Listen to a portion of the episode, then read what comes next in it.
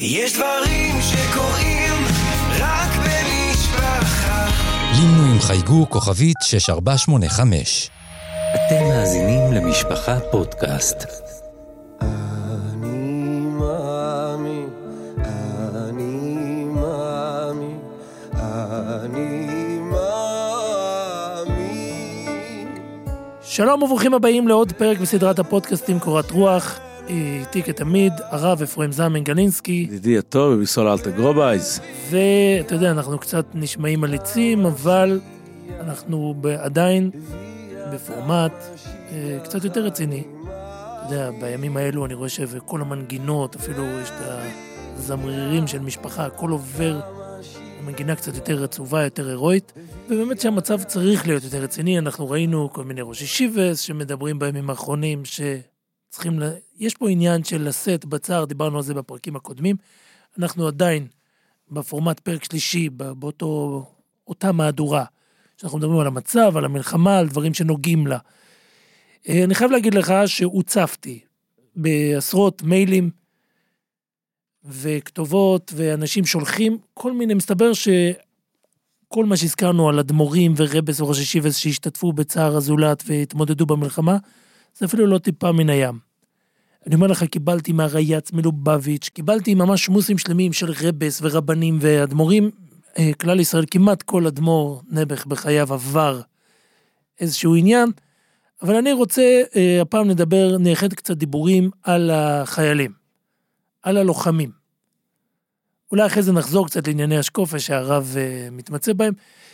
למעשה, אין הרבה חיילים במשך הדורות המאוד קדומים. יהודים נמצאים בגלות, ברוב המקרים הם לא לוחמים. אלא אם כן היה גזרה. אלא אם כן יש גזירות. אה, לוקח המון המון זמן עד שמישהו בכלל מסכים לקחת לצבא שלו חיילים יהודים.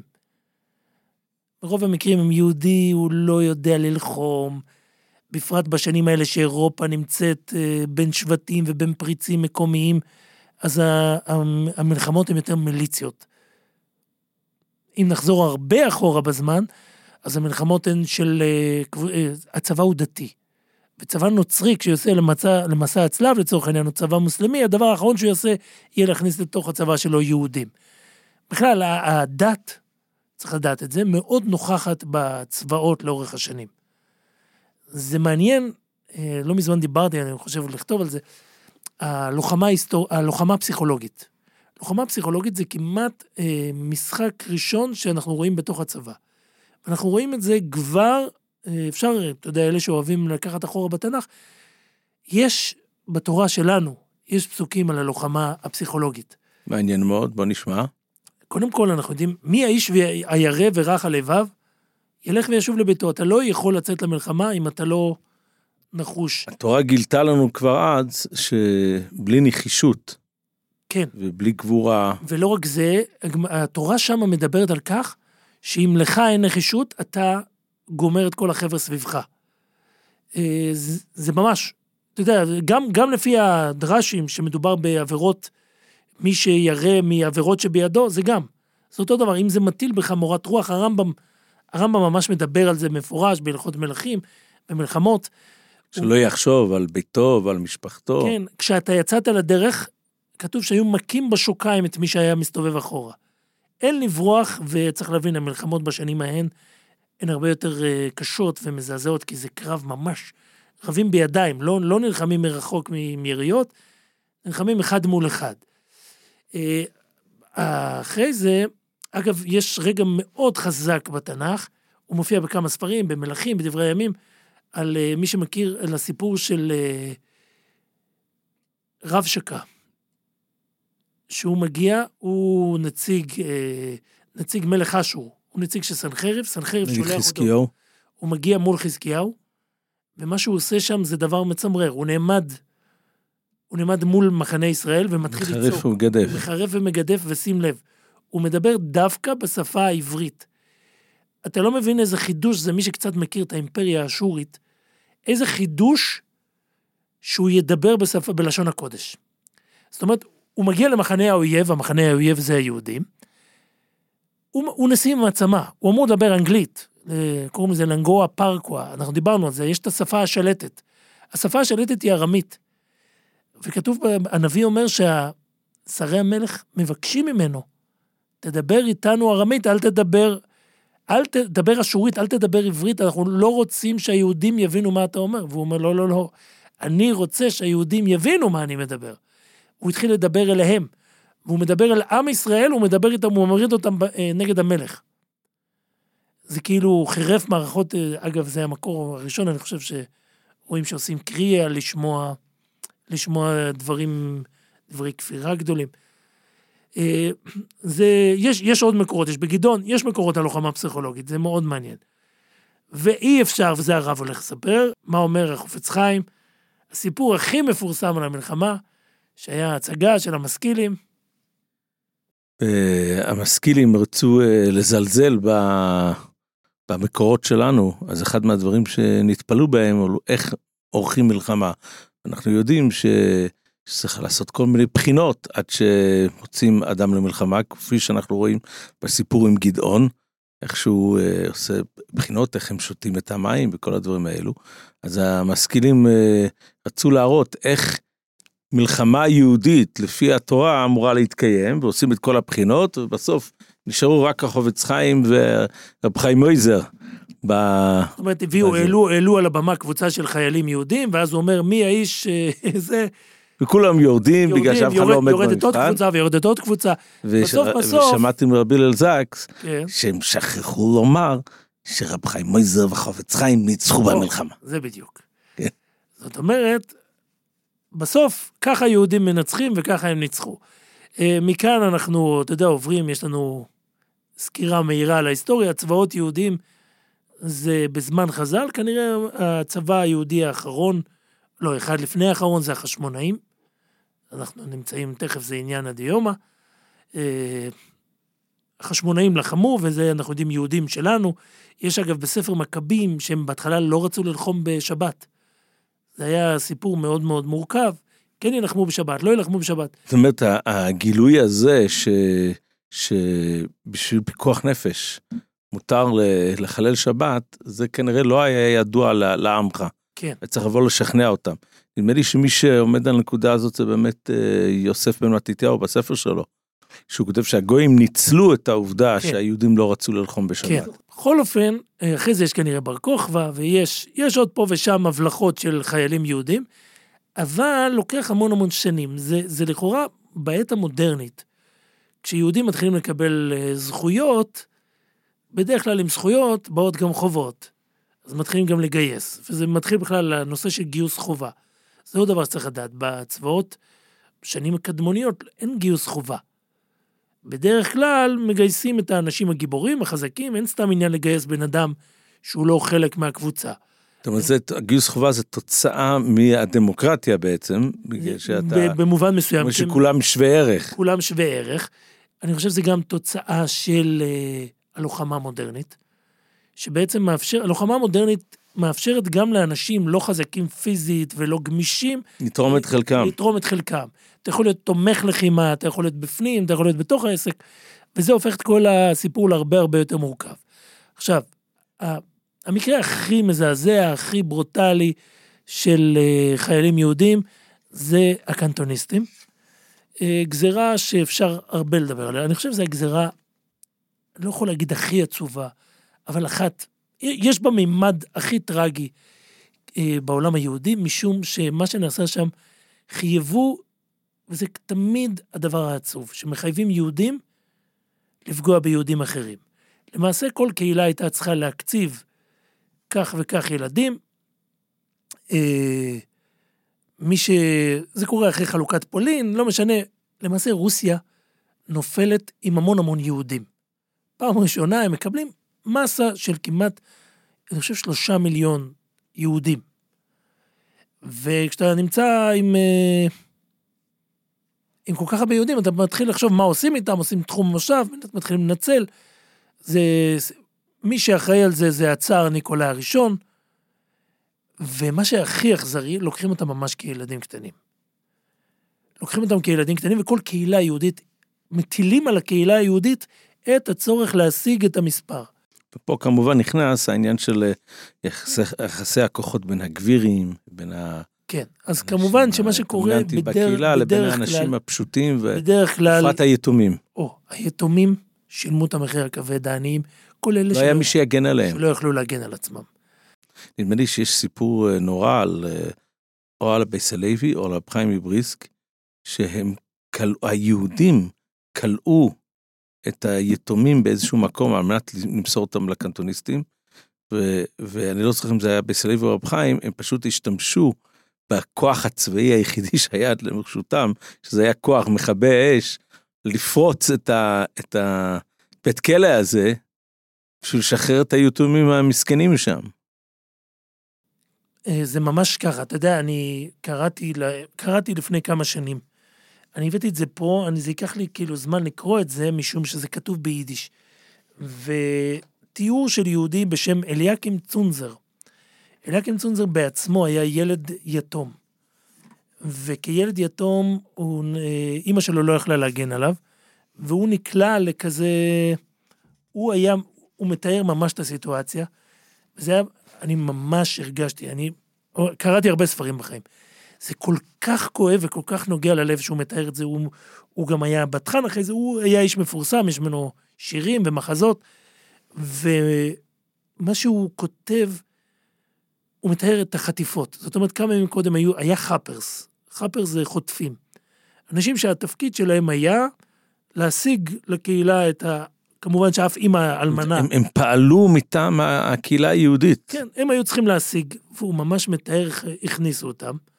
זה לוקח כמה שבועות, היו רצים ומתרוצצים. צריך להדגיש שהאנשים האלו נלקחו כ, כילדים ונערים ונשארו בשירות הצבאי עשרות שנים. כן. זה היה ה... בדרך כלל ה- כשהיו משחררים אותם, למעשה זה אנשים שאיבדו את חייהם.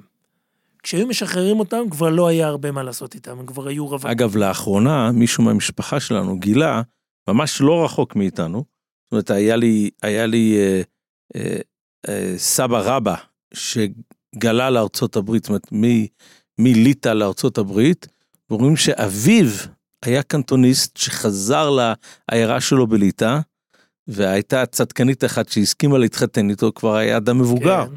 ומזה נולד המשפחה שלנו. וואו. גילינו את זה ממש אה, לאחרונה. אז אתה ממש נוגע בעניין.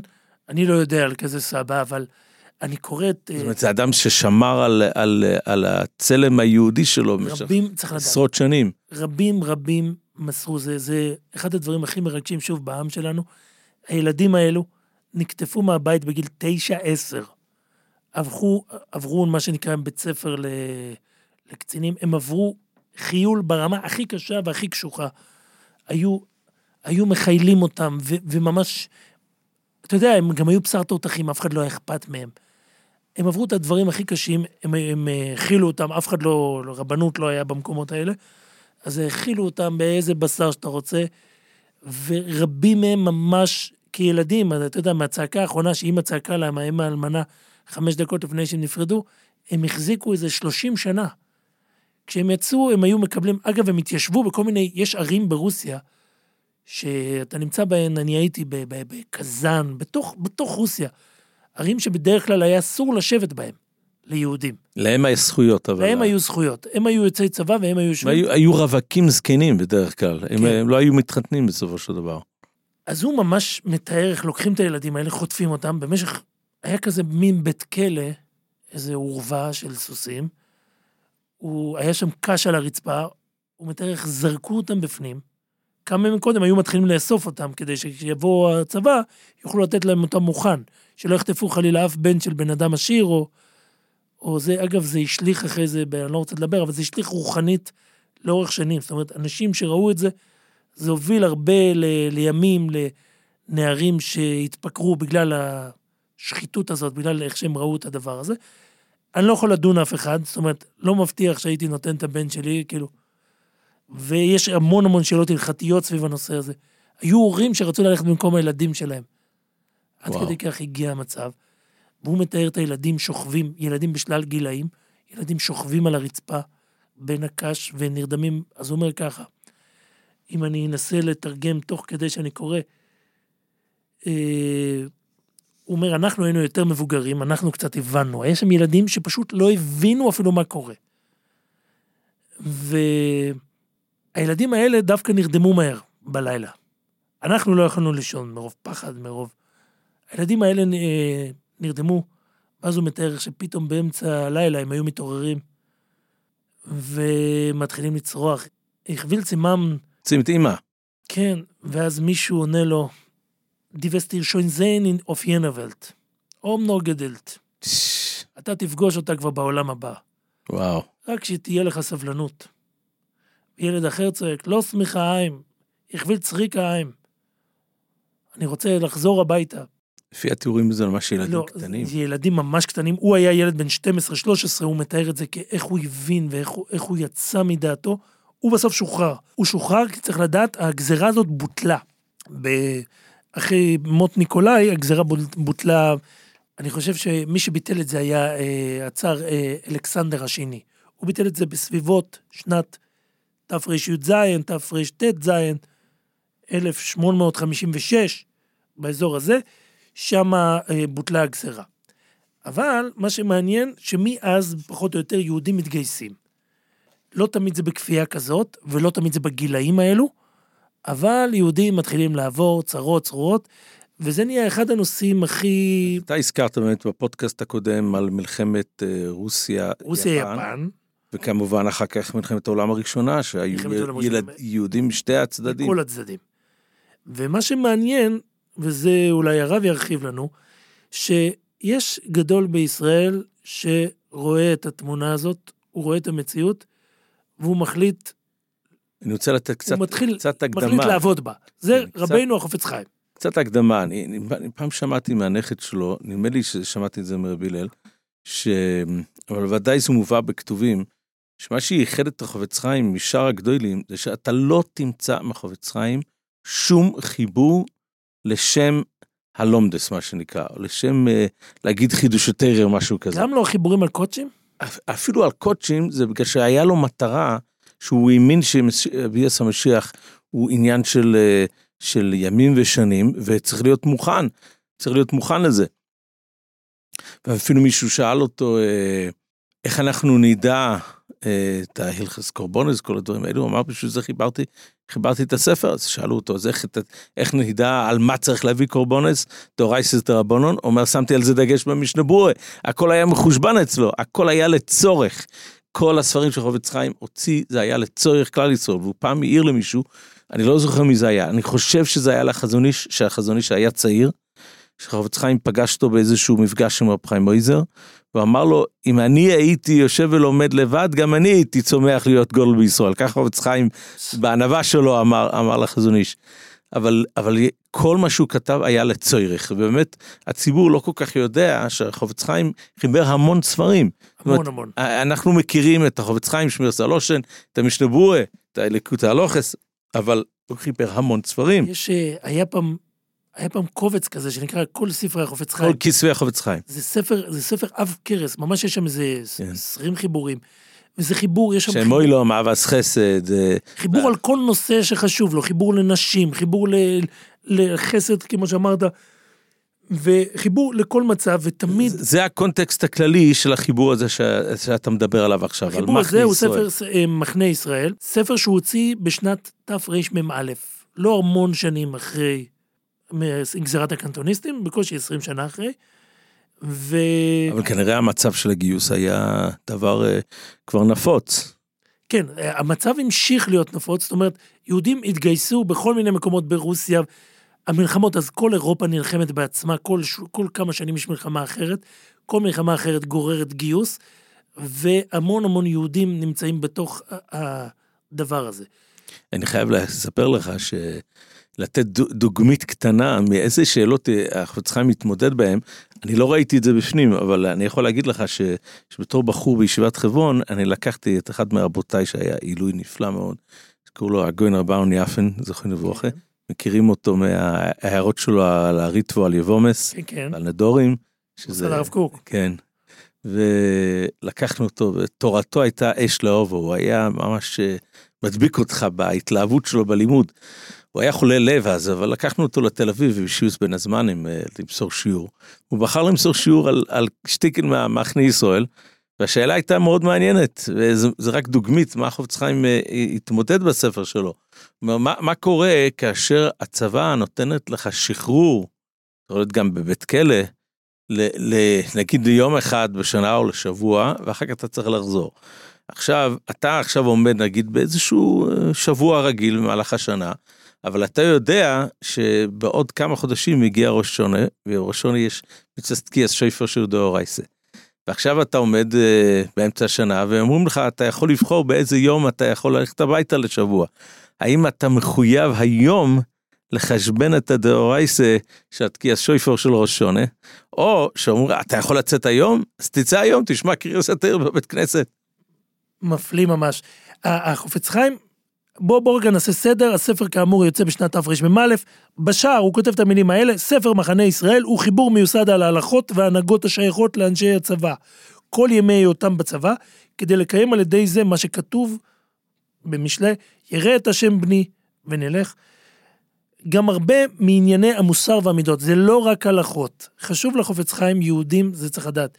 יהודים חוץ מהתמודדויות הלכתיות בצבא, מאבדים גם צלם אנוש. אה, הצבא, בפרט הצבא הרוסי, הוא מקום מאוד וולגרי, אתה שומע הרבה מילים שאתה לא צריך לשמוע, אתה רואה הרבה מחזות שאתה לא צריך לראות, והוא מדבר גם על זה. הוא כותב, שייך לכל אדם. זאת אומרת, הספר אה, לא רק לחיילים, ובפרט החלק השני מן הספר הזה, שמבואר בו כל המידות. אה, יש איזה יהודי, רב דוד אהרונובסקי, יהודי תמיד חכם, הוא ספרן בספריית אה, מכללת הרצוג, זה ישיבת הר עציון. פגשתי אותו, הוא, הוא מוציא מדי פעם, אה, יש לו בלוג ששם הוא כותב על ספרים, אז הוא הוציא כתיבה יפה על, על הספר ישראל. הזה, על מחנה ישראל. שם הוא מביא מהספר של רב משה מאיר יושור. שהיה תלמידו של החפץ חיים והוא היה הביוגרף הראשון של החפץ חיים. זאת ביוגרפיה לחופץ חיים. ושם הוא כותב ש... מעניין שהספר הזה לא הודפס במהדורה אה, חדשה. אני חושב שכן, במהדורת צילום, כל הזמן מנסים, אני יכול לחשוף בפניך שאני יודע על מישהו מאוד רציני. שעובד על זה. שעובד עכשיו על אה, הוצאת ביוגרפיה חדשה על החופץ חיים. יש לנו כבר אה, ביוגרפיה של שש כרכים. שישה כרכים, עם כל הכבוד, זה קצת בלאגן מה שקורה שם. זה לא ביוגרפיה סדורה. כן, זה ליקוט של רעיונות. ו... כן. אבל פה אני מדבר על יהודי מקצועי. משהו מסודר. שכבר ישמחי גברה, mm. כתב הרב חיים מוולוז'ין ועל הגויין וילנה, ועוד. בכל אופן, אז הוא מספר שהסיבה שהחופץ חיים כתב את הספר הזה היא בגלל אה, מעשה שהיה, יהודי מרדין, שהבן שלו גויס לצבא, והוא שירת באיזה מקום נידח, בערי הקווקז. כשהוא חזר, הוא חזר בחזרה, אז החופץ חיים קרא לו ושאל אותו, תגיד, איך החיילים היהודים הסתדרו עם מצות בחג הפסח? מה הם עשו? אז אותו בחור סיפר, הוא אמר לו, הם לא זכו לקיים אכילת מצה, בגלל שלא היה חיטים בכל אותו אזור. וכל מה שאכלנו היה רק אה, שיפון ושיבולת שועל. וואו. הם היו משוכנעים ששיפון... אי אפשר לעשות מזה מצות. והם גם היו משוכנעים שזה קיטניאס. לכן הם התירו לעצמם לאכול את הקיטניאס. וואו. והחופץ חיים ממש הזדעזע מזה, שיהודים אה, כשלו באיסור, זה אכילת חמץ. כי אם אתה לא עושה את השיפון כמו שצריך... אתה עושה מזה דייסה, אז זה חומץ גמור. כן, ולכן אה, הוא אומר שבאמת בפרק ל"ה, סעיף א', אם אתה צריך, אז החופץ חיים ממש מסביר באריכות שחמשת מנדוגון זה מחמיץ, ו- ואיך עובדים עם זה, והוא כותב שאפשר לעשות מזה מצה. ואני קורא לך קצת מההקדמה של החופץ חיים, כי מה שמעניין, אתה יודע, אנחנו היום לא בצבא, אבל בוא לפחות נדע את זה.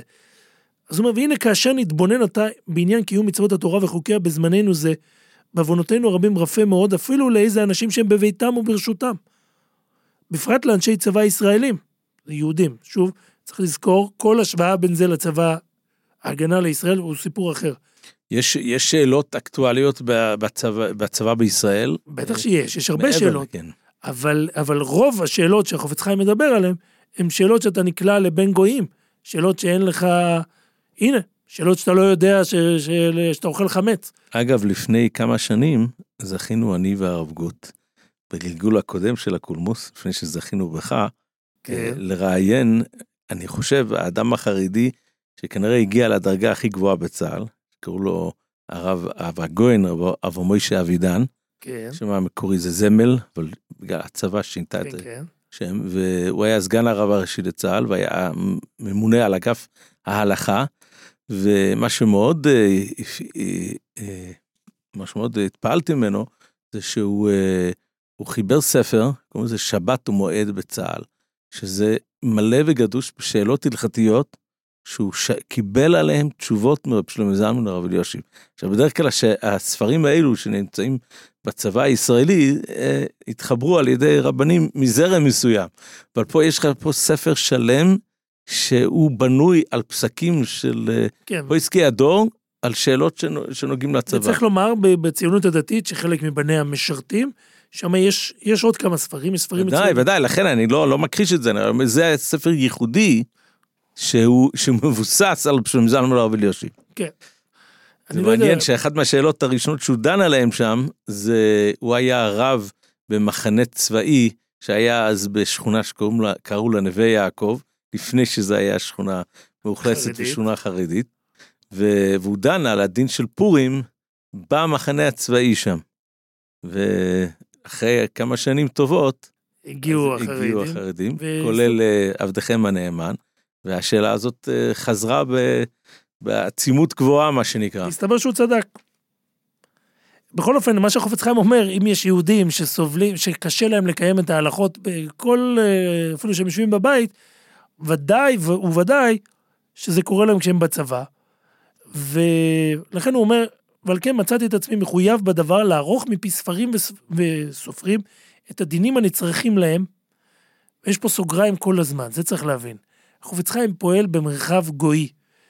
והוא שם סוגריים וכותב, והכל בדבר שאין מתנגד, מתנגד לחוקי הקירו. הקירו זה הקיסר ירום הודו. ו, אה, ו, חייב לעבור את הצנזורה. הוא חייב לעבור את הצנזורה, ולא רק הוא חייב לעבור את הצנזורה, בפרט שאתה משחק עם חיילים, זה בדרך כלל הנושא הכי הכי... ספרים רגיש. שאמורים להגיע לחיילים. כן, ו- ואתה צריך להיזהר. שלא תיחשב ממריד, שלא תיחשב קורא לסירובי פקודה. הוא חוזר על זה כמה פעמים. אה, אתה יודע, לעקוף סמכות שמה זה... הוא כותב גם, ואז הוא מוסיף את החלק שאמרתי לך על המוסר. גם שמתי עיני על המידות הנצרכות לכל אדם, ובפרט לאנשי הצבא הישראלי, שכשמידותיהם נשחטות, הוא גם כן חילול השם. זאת אומרת, הוא אומר, אתם, בסוף, כשאתם מתנהגים לא לעניין, אז אתם uh, צריכים לזכור, אתם יהודים, אתם מייצגים את הקדוש ברוך הוא. זה מאוד מרגש ההבנה של החופץ חיים. ושוב סוגריים, מלבד הון הגדול, עוון הגדול, מלבד עוון הגדול, שהוא נגד רצון הממשלה הרוממה. זאת אומרת, כשאתה מתנהג לא בסדר, כשאתה מתנהג וולגרי, אתה גם מתחיל עם הממשלה, אתה חייל. זה הפיקחות של החופץ חיים, אתה יודע. יש איזה סיפור שמתאר את החופץ חיים כאיזה סבא תמים, אה, מי שרק קורא בכתביו, רואה חריפות, תפיסה של חריפות והבנה מה- אנושית. מה שקורה בציבור. הבנה כמעט פסיכולוגית. אתה רואה את זה בחופץ חיים, איך הוא מדבר, איך הוא, איך הוא ממש בונה על פוליטיקה, הוא יודע שההוא ילך להגיד להוא ככה. יש שם איזה מקום, אני עכשיו צריך להיזכר, אבל מקום שהוא מראה מה יקרה אם אתה תרשה ליהודי הזה ללכת, ואז הוא חוזר, ואז הוא יגיד לו, ואז הוא יגיד לו שהוא לא אמר עליו, כן? אתה יש, רואה את זה אתה צודק שיש איזשהו, איזשהו נרטיב שנכנס לראש של האנשים, שחפץ כן. חיים היה מין כזה צדיק טומי כזה. אבל uh, דבר ראשון שמעתי מרבי הלל, מנכדו, שחפץ חיים היה אומר שאין מצווה להיות הנער, כאילו להיות, להיות טיפש. הוא אמר את זה לגבי לימוד זכוס, לגבי המצווה של לימוד זכוס. אוקיי, ומה שמעניין, שים לב, החופץ חיים אה, יודע שכשהספר יגיע לחיילים זה יכול להיות כבר קצת מאוחר. ואז הוא כותב, ומאוד אנוכי מבקש ומייעץ לכל אחינו בני, בני ישראל, שילמדו את בניהם החיבור הזה בעודם בביתם, כי על ידי זה ידעו להתנהג הכל על פי דרך התורה. ואחר כך אם יפול חבלם לעבוד בצבא, ויהיו גם כן בעלי מידות טובות.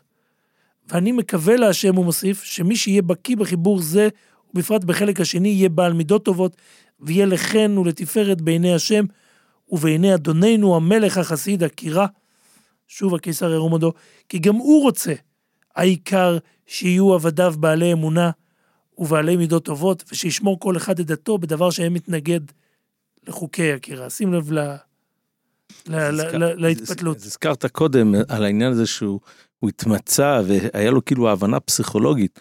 אז אה, היה באמת ויכוחים בין, אה, בין הגדולים, כאילו איך החובץ חיים גרם לכך שהצדקות שלו יעפיל על הגאונות שלו. אז היה, יש איזה סיפור עם הבריסקרוב, רבי הלל בעצמו סיפר לי את המעשה הזה, כי הוא היה בביקור אצ, עם הבן קוטלר אצל הבריסקרוב, ועלה על השאלה הזאת, איך הוא הצליח, אז, אה, אז הוא אמר ש, שהחובץ חיים התפלל על זה שלא יכירו את הגדלות שלו בתורה. אבל על הצדקות שלו הוא, לא התפלל, כי הוא לא ראה את עצמו כצדיק, זה העניין. אבל מה שמאוד מעניין, אתה יודע שיצא הס- הסרטון על החובץ חיים, אה, אותי זה תפס בהתפעלות, התקופה הזאת שיצא הסרטון, וחזרתי וראיתי אותו כמה פעמים, של לנסות לקלוט. יש, יש דברים מאוד מעניינים שאפשר לראות מהסרטון הזה. אחד, הרבה דברים. אחד מהדברים, רבי ינקי מאיר בידרמן, עירוב. נכון, אבל, אבל על- עליו, עליו בעצמו, אני שמעתי מאדם גדול שהראו לו את הסרטון הזה, אז הוא אמר שתשים לב שחובץ חיים מקפיד שהידיים שלו יהיו מעל ה...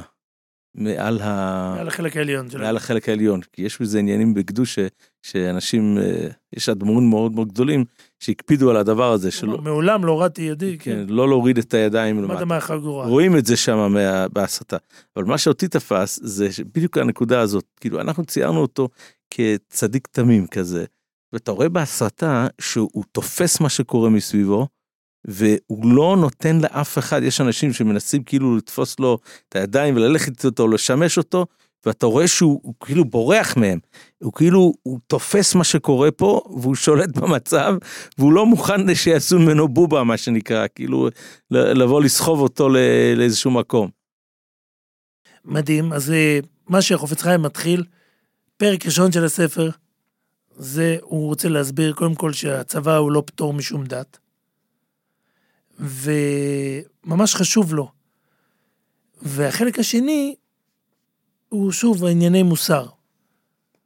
והוא שם שם כמה עניינים. למשל, אחד, שבן אדם לא ייכנס לעצבות שהוא נפל לצבא, שהוא צריך לכתוב את זה בעדינות. תבין את המלכות שלו, תבין כמה חופץ חיים מתוחכם. הוא לא יכול לכתוב, אל תיכנס לעצב שנפלת לצבא, כי, כי הקירו יכול לקרוא את זה. כאילו, מי עלה, מה על דעתך? אבל הוא כן כותב שלא יתמרמר האדם, אפילו אם סברו כמה עניינים ממצוקות הזמן. ודבר שני, שירגיל אדם את עצמו לעשות חסד, להיות טוב עם הזולת. דבר שלישי, זה להכיר צבא, גודל גנות הגאווה של איש משתרר על חברו. זאת אומרת, לפעמים אתה נהיה מפקד, ובצבא זה מאוד עובד, אז אתה מעלים אותך דרגה, אז אתה משתחצן על כל אלה שמתחתיך. וכמובן, הנושא של לשונורה ורכילס, יושבים המון שעות בצבא, יש הרבה זמן ויש פנאי. המון לפעמים. המון זמן לדבר. איסור גניבה וגזלה, ומשהו שאני עושה לך ספוילר כבר לקולמוס של חנוכה, להיזהר מלשחק בקוביה. בקוביה. זאת אומרת, הוא הבין שחיילים משחקים הרבה קלפים. דבר אחרון, שיש בזה המון שאלות של גזל, כמו שידוע מחושן משפוט. אתה- גודל גנות השכרות. כל זה הבנה של מה קורה לחייל כשהוא נמצא בצבא. ושוב, הוא תמיד כל אורך הדרך, זה אני ממש מסתייע במה שכתב אהרונובסקי. אה, בפרק רביעי, למשל, החופץ חיים כותב על מחלויקס. ואז הוא מדבר על כך, וזה נורא מעניין איך הוא לוקט את זה בתוך החוקים של הצבא. הוא אומר, צריכים אה, לכידות חברתית, הוא בעיקר פוחד שיהודי ילשין על יהודי. לצבא. והנה כל זה הוא אפילו בפ... בסתם בני אדם. ובפרט בין אנשי הצבא, כשיש מחלוקת חס ושלום, יכול להיוולד על, זה, על ידי זה כמה מלשינות, איש על אחיו, ויוכלו לבוא לידי כמה עונשים על ידי זה. ויותר מכולם שהוא חילול השם, כשרואים הנוכרים שהעם ישראל מחולק ויש הקאות ביניהם. הוא ממש אה, חשוב לו, חשוב לו חייל, אתה יהודי, אתה צריך לשמור על עצמך, אתה צריך לא, לא להתבהם ולא זה. ואחד הדברים המעניינים שהוא מדגיש, הספר יצא בשעתו, והוא זכה למהדורות, והוא כותב שגם פה, יהודים חרדים הוציאו את הספרים האלה, הוא אומר, לפני כל מלחמה. במלחמת העולם השנייה החתן שלו, מנדל זק, נכון. הוציא את זה. ושם היה, שם, מי, מי קיבל את זה? חיילי הבריגדה, זאת אומרת חיילים יהודים שלחמו בצד של בעלות הברית, והוא אומר שהרב הרצוג הוסיף איגרת בתחילת ה, בתחילת הספר, איגרת לחיילים שהולכים אה, להעביר ממשלת זדון מן הארץ ולהביא צדק עולמי לאנושיות כולה. אז הם נלחמו נגד הנאצים. כן, גם היום. אה, בכל אופן, אה, מה- מה שקורה זה שהם יוצאים כל, כל, כל כמה שנים, אני מתאר לעצמי, אולי אפילו עכשיו מישהו יתנדב להוציא את זה, ואני אעבור. אה, מה שמאוד מעניין, וזה יש המון המון סיפורים, היה הרבה רבס שהיו מפורסמים ב, בכך שהם יודעים לשחרר מהצבא. הצבא הפך להיות אחת הגזרות הכי קשות. יהודים היו עושים כל מיני דרכים כדי להתחמק מהגזרה הזאת. אחת הדרכים הכי עצובות היה אה, אה, לפגוע בעצמם. יהודים, להפוך את עצמם לנכים. להפוך את עצמם לנכים, היו, היו, היה רבס, היה רבה מסקרנביץ'. היו יושבים אצלו עשרות בחורי ישיבות, הוא היה נקרא מומחה בזה, היו יושבים אצלו, והוא היה נותן להם כל מיני פטנטים וכל מיני... אה, זה, אני חייב לקרוא בפניך, יש ספר ממש מצוין, שנקרא זיכרונות אב ובנו. מי שכתב את זה, זה באמת אבא ובן, אה, בראבר. אבום ינקב בראבר, הוא היה גם גיאוגרף, אה, היסטוריון, הוא גר פה בארץ. הם על התפר, אני לא יודע איך להסביר את זה, הם לא משכילים, אבל הם אה, כבר עם עין כזאת מפוכחת. הם נולדו בגליציה, בעיר סטריי. מי היה שם?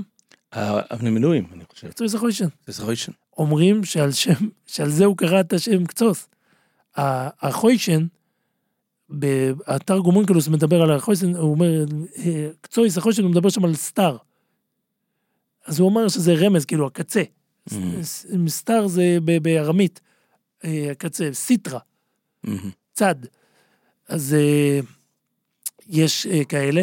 אותו בראבר ממש זה מתאר, זה האבסורד שהספר האב טיפוס הלמדני, שעליו הושתת כל הלימוד בעולם הישיבות, חובר על ידי רב מגליציה. אתה לא רוצה להיכנס לזה, רוב הספרים החזקים, הלמדניים, התחילו בגליציה.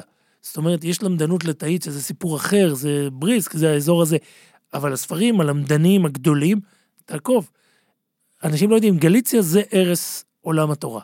מנחס חינוך. הרוב, הרמו. כל הספרים בקרוקה, פני ישיע, הכל מגיע משם. בסוף הלמדנות הגדולה שעליה מדברים, היא נוצרה בגליציה, שאז נחשבת פולין.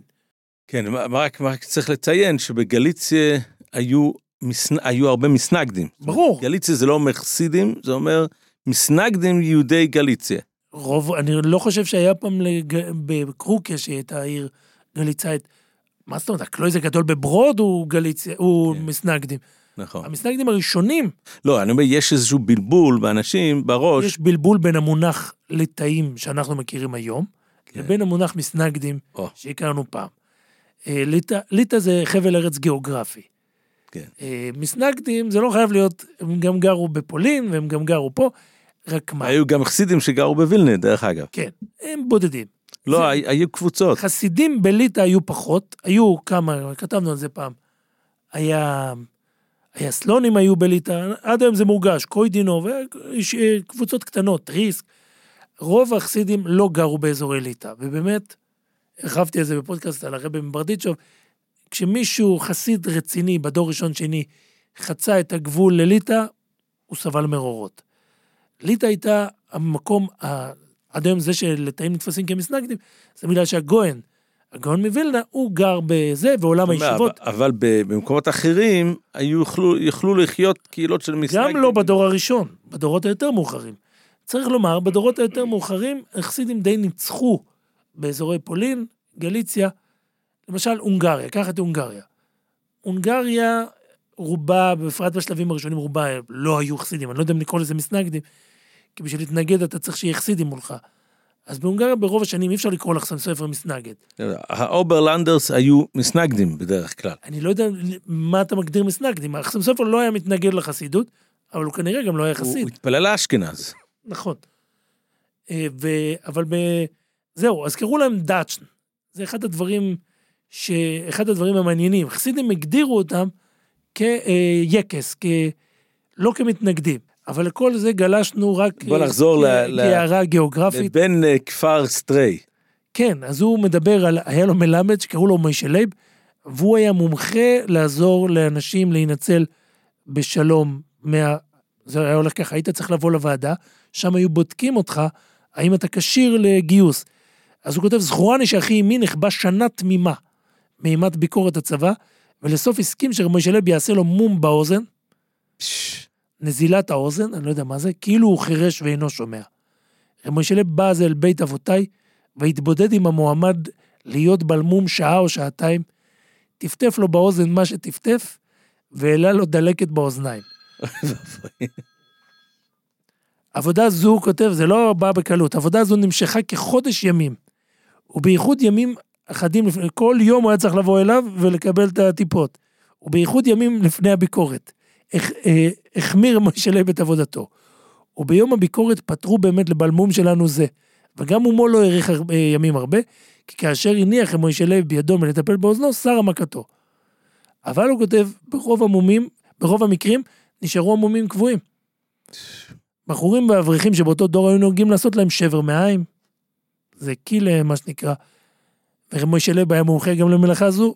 אחד מדודיי, אברך כבן י"ט כ' שנים, שהיה כבר בעל אישה ואב לילדים בזמן שהוא הגיע שעתו לעמוד לביקורת הצבא, נמלך במוישה לב, שהיה מומחה לכך, לבחור בין טוב לרע. ולומר, האם הוא, הוא היה מסתכל עליך, הוא אומר, אם ייקחו אותך או לא. בעלה אמר לו שאין לו כל תקנה, הוא כנראה איש מאוד חזק. אין לך שום תקנה, בלתי אם יעשה לו שבר מעיים. קיבל עליו אלוף זה להפוך מרצונו הטוב להיות בעל מום. לב מעך את בני מאף כחודש ימים, ועלתה בידו.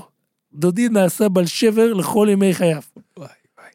ובלי אזור מיוחד, זאת אומרת, בלי חגורה מיוחדת, הוא לא היה יכול ללכת אפילו פסיעה אחת. אז הוא התפטר מעבודת הצבא, אבל שבר זה, אה, שעשה לעצמו מרצונו הטוב, הצידו אחרי 40 שנה לבאר שחת. רק, אה, זה, זה לא, זה, לא יאומן, הוא מתאר שהסתובבו בגליציה כמה וכמה אלפים בעלי מום כאלו. מכיר הייתי זקנים שהיו מקוצצי אצבע, או שאצבע אחת הייתה כפופה, גם סומים בעין אחת, שניקרו אותה בידיהם. אבל מכיוון שהממשלה התחילה להחמיר במומים שנעשו בידי אדם, אז התחילו, לה- התחילו לבקר מומים שאין עשייתם בידי אדם ניכרת כל כך. ולזה היה רב מוישה לייב שלנו מומחה.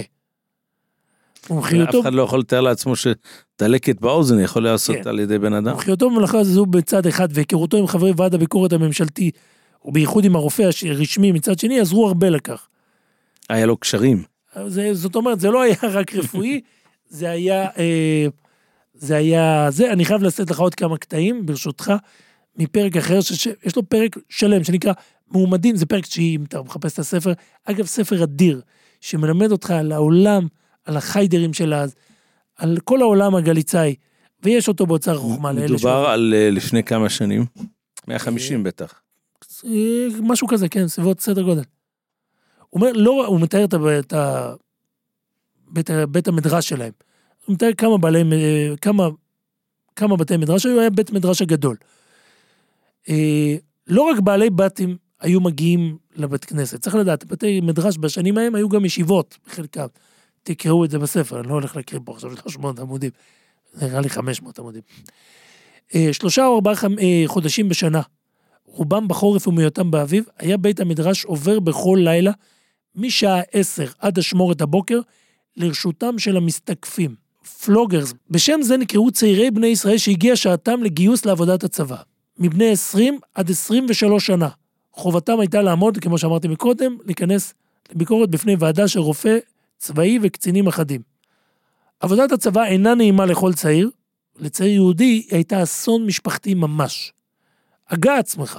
אדם מישראל שמעודם לא קיצר פאות ראשו, מתנוך אוזנו ולמעלה.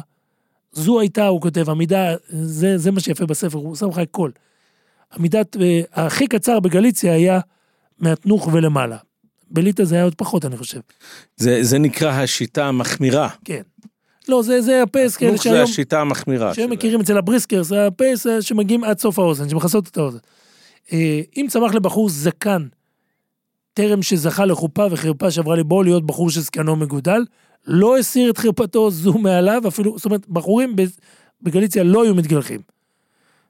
כי אם מרט את שערות זקנו אחת-אחת באצבעותיו. שזה מותר, אה, טוב זה גם, זה נידון בפויסקים זה מותר או לא. מותר ל... אבל הוא אומר, אז הייתה בעיה כתוב אחרת. שבמקרה של, שאתה אתה מסלסל נגיד בשערות או משהו כזה, או שאתה מסרק את השערות, אתה לא צריך לחשוש, אולי ירד מזה חלק מהפאות, בגלל שזה זה לא נעשה בכוונה. לא יודע אם למרות זה, אבל הוא אומר, אז הייתה בעיה אחרת. היית מתפטר מהזקן, אבל כל הסנטר היה מתמלא חבורות. ולא היית מרוויח הרבה. והוא אומר, תחשוב על בחור שמעולם לא עבר זמן קריאת שמע ותפילה, ולא אכל פת בלי נטילת ידיים, ולא חילל את השבת אפילו רק באמירה לעכו"ם. אם נתפס למלכות, והלבישו שעטנז, וגילחו את פאות ראשו ואת זקנו, ונזקק לחלל שבת ולאכול טרפות, ולפעמים גם שלא להניח תפילין ושאר המצוות שעובד בצבא הנוכחי, לא יכול לקיימן. עבודה זו לא ליום אחד ולא לשבוע או לחודש, כי אם לשתיים, שלוש שנים. בוודאי שהייתה צרתו וצרת משפחתו גדולה. ואין צריך לומר, אם כבר, אם מדובר בבן אדם נשוי ואבא לילדים, מה שהיה מאוד רגיל, הם היו מתחתנים מוקדם. אז אה, הוא אומר, אפילו, אפילו בני, בני עשירים, אפילו עניים היו מתחתנים. אה, הוא אומר, מי שהיה אצלנו בחור בן 18 ועוד לא נשא אישה, היה אומלל. אז הוא אומר, לא הייתה ברירה, היו צריכים להתחיל להסתגף כדי אה, שיראו כחושים וחלושי כוח. אז הם היו מקדישים את הבית כנסת שלוש או, שעות כל מה עושים? לילה? לא שלוש שעות, מ-10 בלילה עד הבוקר. אוקיי. זאת אומרת, ב- ביום היו יושבים בבית ולומדים. בלילה היו אנשים פשוט נשארים ערים, כדי שיראו כחושים וחלושי כוח, וואו. ומטענים הפסקות.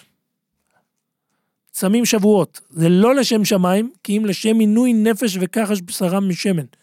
זאת אומרת, ממש מנסים להרזות, זה דיאטת רצח. כמה מהם שתו חומץ או מים שנתבשלו או נכבשו בהם עלי סמים המביאים לכאב בטן ושלשום מרובה. בקצרה, הסתקפו בכל מיני סיגופים, ועל כן קראו לצעירים כאלה מסתקפים. ואיזה מקום מוכשר ביותר להיות נאור כל הלילה בחבורה, כי אם בציבור שמסתקפים וחברים לצרה הרבה, אם לא בבית המדרש, שהוא קניין הציבור, ויכולים לכרוך בו את הטוב ואת המועיל כאחד, להיות נאור כל הלילה, ולבלות את הזמן בלימוד ואמירת תהילים מעט, ולעשות נחת רוח לעצמו ולקונו כאחד. ובכן היו מתאספים בבית המדרש בכל לילה 20 או 30 צעירים מסתקפים. צנועים שבהם ישבו ולמדו עד שחטפתם שינה. ועוללים פיזזו וחרקרו כל הלילה. ומי מי מהצנועים שנתנמנם לאונסו אצל הגמרא זה גם היה קורה, היו מדליקים פיסת נייר סמוך לחותמו. בקיצור, היה, היה מצב שמה, ו... או שהיו שוט, שומטים את הספסל מתחתיו.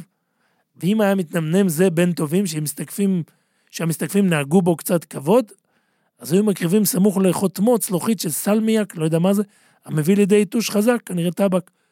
כה עברו הלילות ללא שינה, אלא לסיגופים וריקודים כאחד, כדי לגרש את השעמום, היו יוצאים לפעמים לטיול מחוץ לכותלי בית המדרש. אם בית המדרש לא היה מושג הרעיון שלהם היה שמיעוט השינה גורם לחלישות הגוף כנראה. כן, הם רצו להגיע מרוסקים ועם אה, גולים שחורים על העיניים. אז הוא אומר, אה, אם בית המדרש לא היה מושג כראוי והשמש לא הניח עצים להסקה ואת המפתח לדיר העצים לקח עמו, לא, לא נמנעו המסתקפים מלקחת כמה גזרי עצים ממחסנים שמוכרים עצי ההסקה שלא מידת הבעלים. לפעמים עוררו ברעשם ישנים מבין השכנים לבית המדרש. בהתעוררם חשבו שנפלה דלקה בעיר, או גניבה או גזלה. קיצור, היה קורה שם מלא מלא דברים, אה, אבל הוא אומר שאחרי אחרי, אחרי תקופה קצרה, החגיגות האלה הגיעו לאוזני המלכות, ומשנודע למלכות שרבו מסתקפים בישראל, התחילה הבולשת, שים לב לאיזה ניסוח יפה. אגב, הוא חבר היה של עגנון. התחילה... גם היה יהודי גליציאני. כן, כן, משם הם הכירו. התחילה הבולשת לחפש אחריהם בחוצות העיר, ומאז חדלו לשוטט ברחובות. מאז כולם חזרו והצטמצמו בתוך דלת אמות של ההלכה, לפנים מכותלי בית המדרש. הוא מספר שפעם נכנס שוטר לבית המדרש פנימה. מיד התחילו המסתקפים לומר תהילים. ומי שראה את השוטר תחילה נתן אות לכל חבריו, והוא פתח במזמור אלוקים באו גויים בנחלתך. במבטא הגליצאי אלוקים בואי גויים בנחלוסךו. ותכף הבינו שבשוטר שיוליכו רגליו לבית המדרש הכתוב מדבר. והכל קול יעקב נשמע מיד בכל רחבי בית המדרש. כאילו רק לשם כך נקבצו צאן קודשים אלה לבית הגדול והקדוש הזה, להיות מן העומדים לפני השם בלילות. ושוטר זה אף על פי שלא הבין פירוש המילות, לא, מלה, לא מלאו ליבו להפריע אנשי קודש אלה מעבודת השם. ועמד משתהה ומשתומם סמוך לפתח הבית מבפנים, ובעוד הוא שוקל בדעתו אם לעזוב את הבית כלעומת שבאו לעשות חקירה ודרישה על, טובה, על טיבם ומועטם של הנוספים ולרשום את שמותם לזיכרון בספר, ניגש בחור אל תנור הברזל המוסק שבבית המדרש שחומו עלה למעלה למעלה, ושפך עליו קיתון מים צוננים בבת אחת. וכל הבית מדרש נהיה מלא ועד עשן. עלה מן התנור, תקרא את זה בגליצאית. ועד עלה מן התנור, ועלתה הייתה בכל בית המדרש. חשכו פתאום המאורות, כבו הנרות המעטים שדלקו בבית המדרש, ולא ראו איש את אחיו. המסתקפים נעלמו מן העין ונשמטו אחד-אחד. זה דרך החלון וזה דרך פתח שני שבבית המדרש, והשוטר נשאר יחידי בבית אלוקים, ממשש כעיוור באפלה, מפקד בכל שוטר עמוד, ואין עונה לו, כי כבר נתפזרו הנאספים לכל רוח, ויישא גם הוא את רגליו ויצא. אחרי פגישה לא נעימה כזו, נתבטלו המשמרות בבית המדרש לזמן קצר. ומכיוון שראו השוטרים במשך כמה לילות שבית המדרש סגור על מסגר, ואין יוצא ואין בא, הסיחו דעתם לגמרי ממנו, והמסתקפים חזרו על עבודתם בקודש כבתחילה. אבל בלי רעש ובלי קולי קולות, למדו את הלקח. עד שהגיעה עונת הביקורת, וכאשר תעבורנה הצאן על יד מונה, עברו כל הצעירים לפני ועד הבחירות, אז פסקו הסיגופים והעבודה בלילות נפסקה מאליה. הוא אומר, זה היה תקופה בשנה. אה, אפשר להבין אותם, כאילו, אה, במקום זה להתגייס לשנים באיזה אווירה ובאיזה ניסיונות. אפשר להבין אותם ואי אפשר שלא להתרגש מהם. אי אפשר שלא להתרגש מיהודים, כמו שהוא מתאר, יהודי שבחר להפוך לבלמום, לקצר את חייו, כדי לא להתגאל בפת אה, נוכרים. זה, זה מרגש, זה, זה סיפור אחר, וכמובן, אין לזה ולא, לא זאת הכוונה, אין לזה שום קשר לצבא של היום, לא על זה מדברים. אני רוצה כן אה, לסיים סיפור מאוד ידוע, שהוא כל פעם מחדש מרגש אותי. סיפור שסיפרו הברדיצ'ה ועוד כמה אה, על הקנטוניסטים שבהם פתחנו. שאחד מהם הגיע פעם ל- לאותו בית מדרש של קנטוניסטים ביום כיפור. נכנס להתפלל עם קבוצה של קנטוניסטים, בית כנסת של קנטוניסטים, כמו שאמרנו, קנטוניסטים בסוף ימיהם היו כולם רווקים זקנים.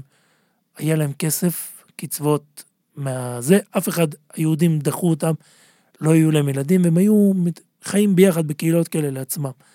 נכנס יהודי לתוך כזה בית כנסת, ורואה, אני חושב שזה הברדיצ'בר, ועוד רגע הולכים להתחיל בתפילת נעילה.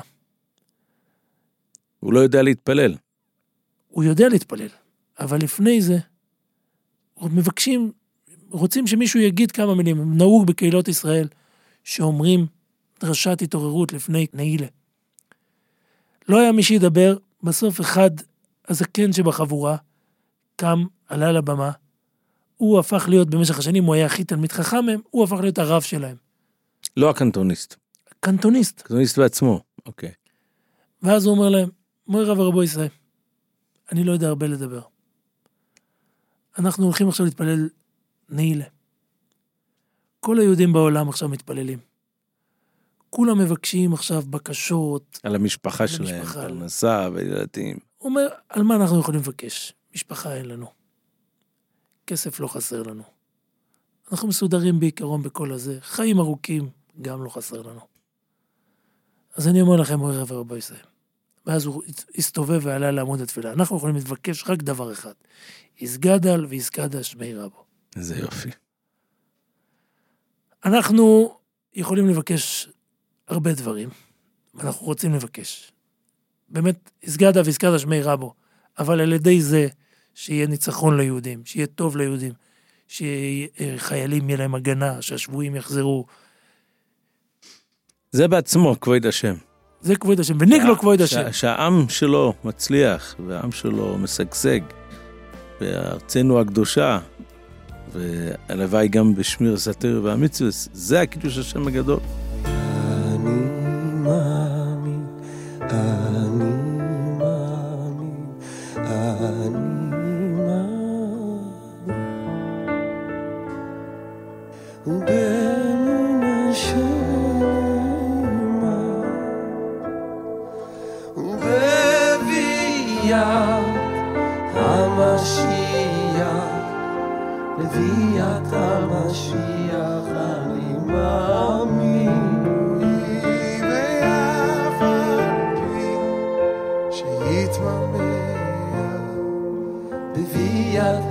משיח אני מאמין, בביאת המשיח.